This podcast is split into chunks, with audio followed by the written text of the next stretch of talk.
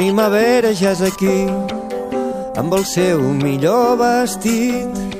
Repensar la mort per celebrar la vida. Això és el que fa el col·lectiu Luto en Colores, creat per la periodista Sílvia Melero, arrel de la pèrdua de la seva germana Esther, que es va suïcidar després d'anys de conviure amb una malaltia mental. El primer impulso del proyecto es romper el tabú del suicidio, con el que nos solemos encontrar las personas que nos quedamos y que hemos perdido a un ser querido que ha decidido irse, visibilizarlo, porque hablando de ello, bueno, pues ya contribuimos un poquito, ¿no? A, aligerar eh, esa espiral de silencio, de culpa, de estigma que se genera alrededor de, de una muerte tan dura.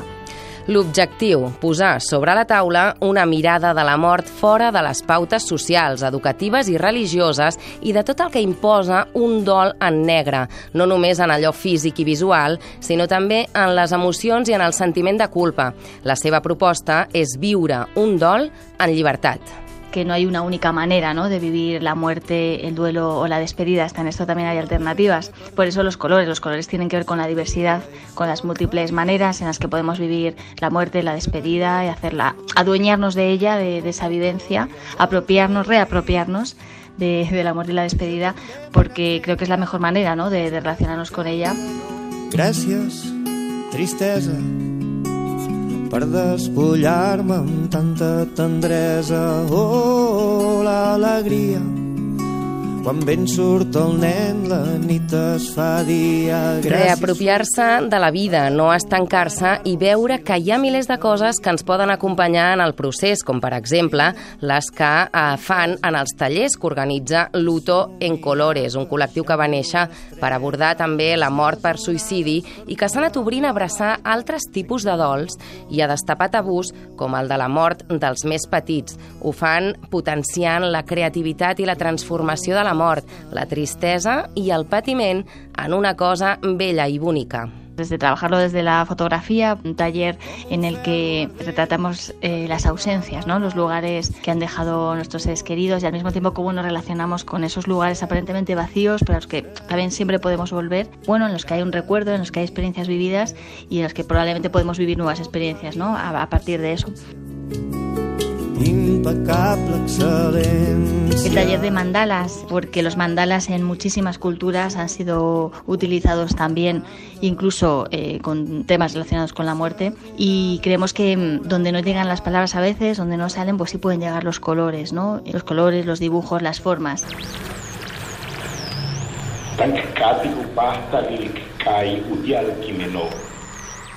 Viene la muerte echando rasero, se lleva al joven, también al viejo.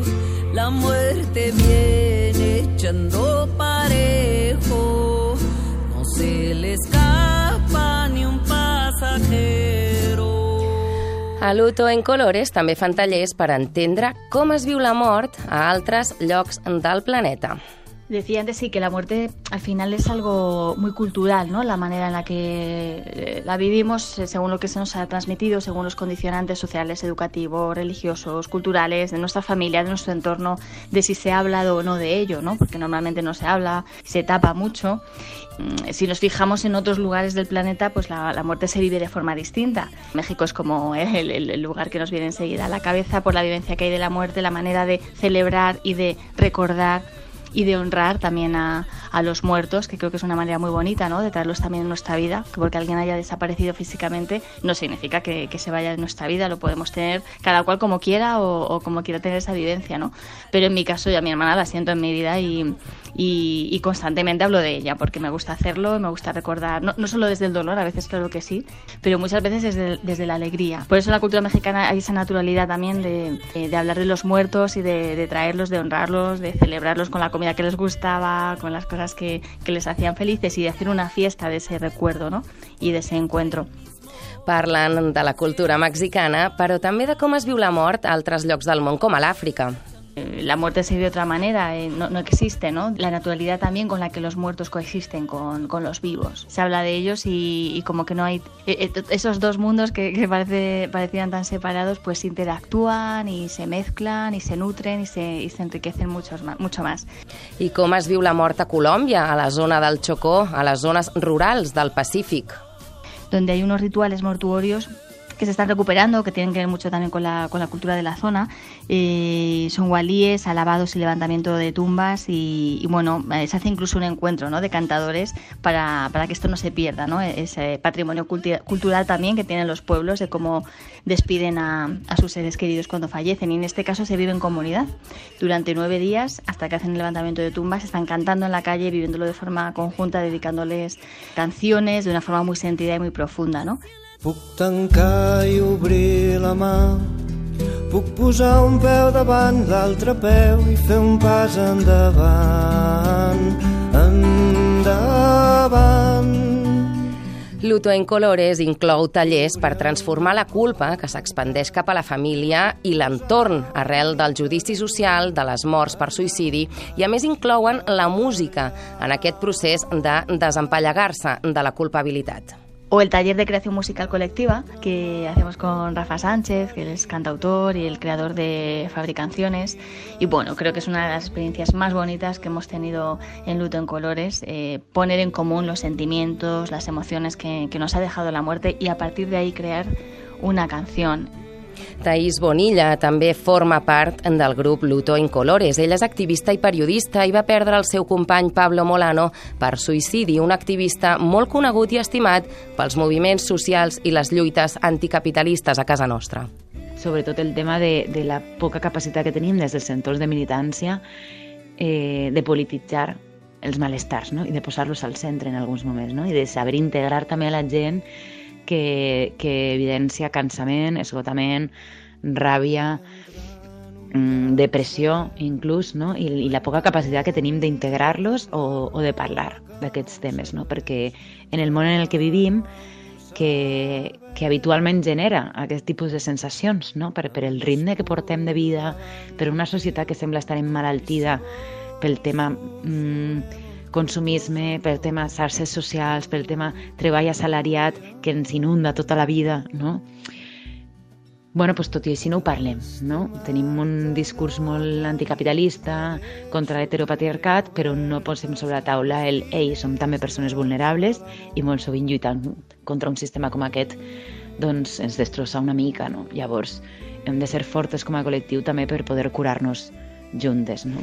Els membres de l'Ateneu Popular La Base del Poble Sec han fet un homenatge als dos anys de la mort de Pablo Molano, on es va comentar el llibre El gesto absoluto del filòsof Santiago López Petit, escrit justament arrel del suïcidi del Pablo. Todo aquel que piense que la vida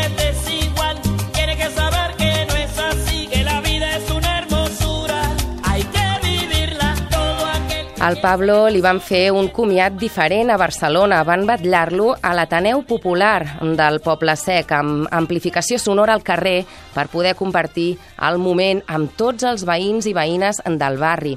I l'endemà van passejar el fèretre amb el cos del Pablo a espatlles d'amigues i amics fins al cementiri de Montjuïc. Unes 3 hores de viatge amb una comitiva d'unes 600 persones reapropiant-se de l'espai públic de Barcelona i redefinint la cerimònia del dol.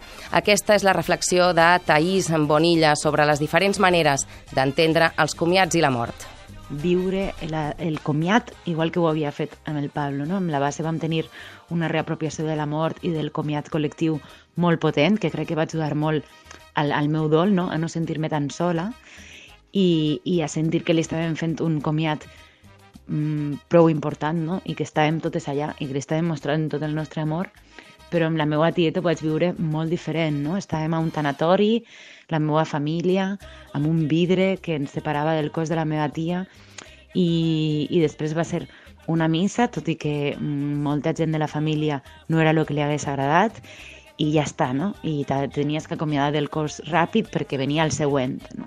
I vaig sentir com molta indignació i frustració de dir, ei, és el nostre moment, estem intentant plorar i dir-li adeu a un familiar nostre perquè no ens permeteu fer-lo com, com ho havíem fet amb el Pablo, no? de, de poder estar totes i tenir allí el cos i, i poder inclús ballar i vetllar el cos durant tota la nit com reapropiar-se de la mort, com acomiadar els que estimem, com volem, com sentim, com obrir la ment cap al que fan altres cultures respecte al dol i la mort. Aquesta és la proposta de Luto in Colores que ara començarà a impulsar tallers per Barcelona a través d'un col·lectiu de dol autogestionat per generar continguts que donin eines per viure el dol de forma diferent.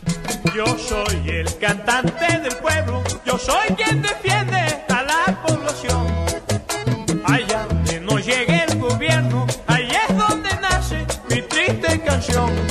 molts àmbits del dol no es centra en un dol en concret, sinó que entén que els dols i els processos de dols són en plural i que no és el mateix un dol per suïcidi que un dol per un accident de trànsit, que un dol per càncer, que un dol d'un infant i són tot temes durs de parlar però, però que, que Luton Color es posa sobre la taula no? i això és molt, molt potent la veritat, sobretot per a aquelles persones que durant un temps estem buscant, que és el que em va passar a mi, no?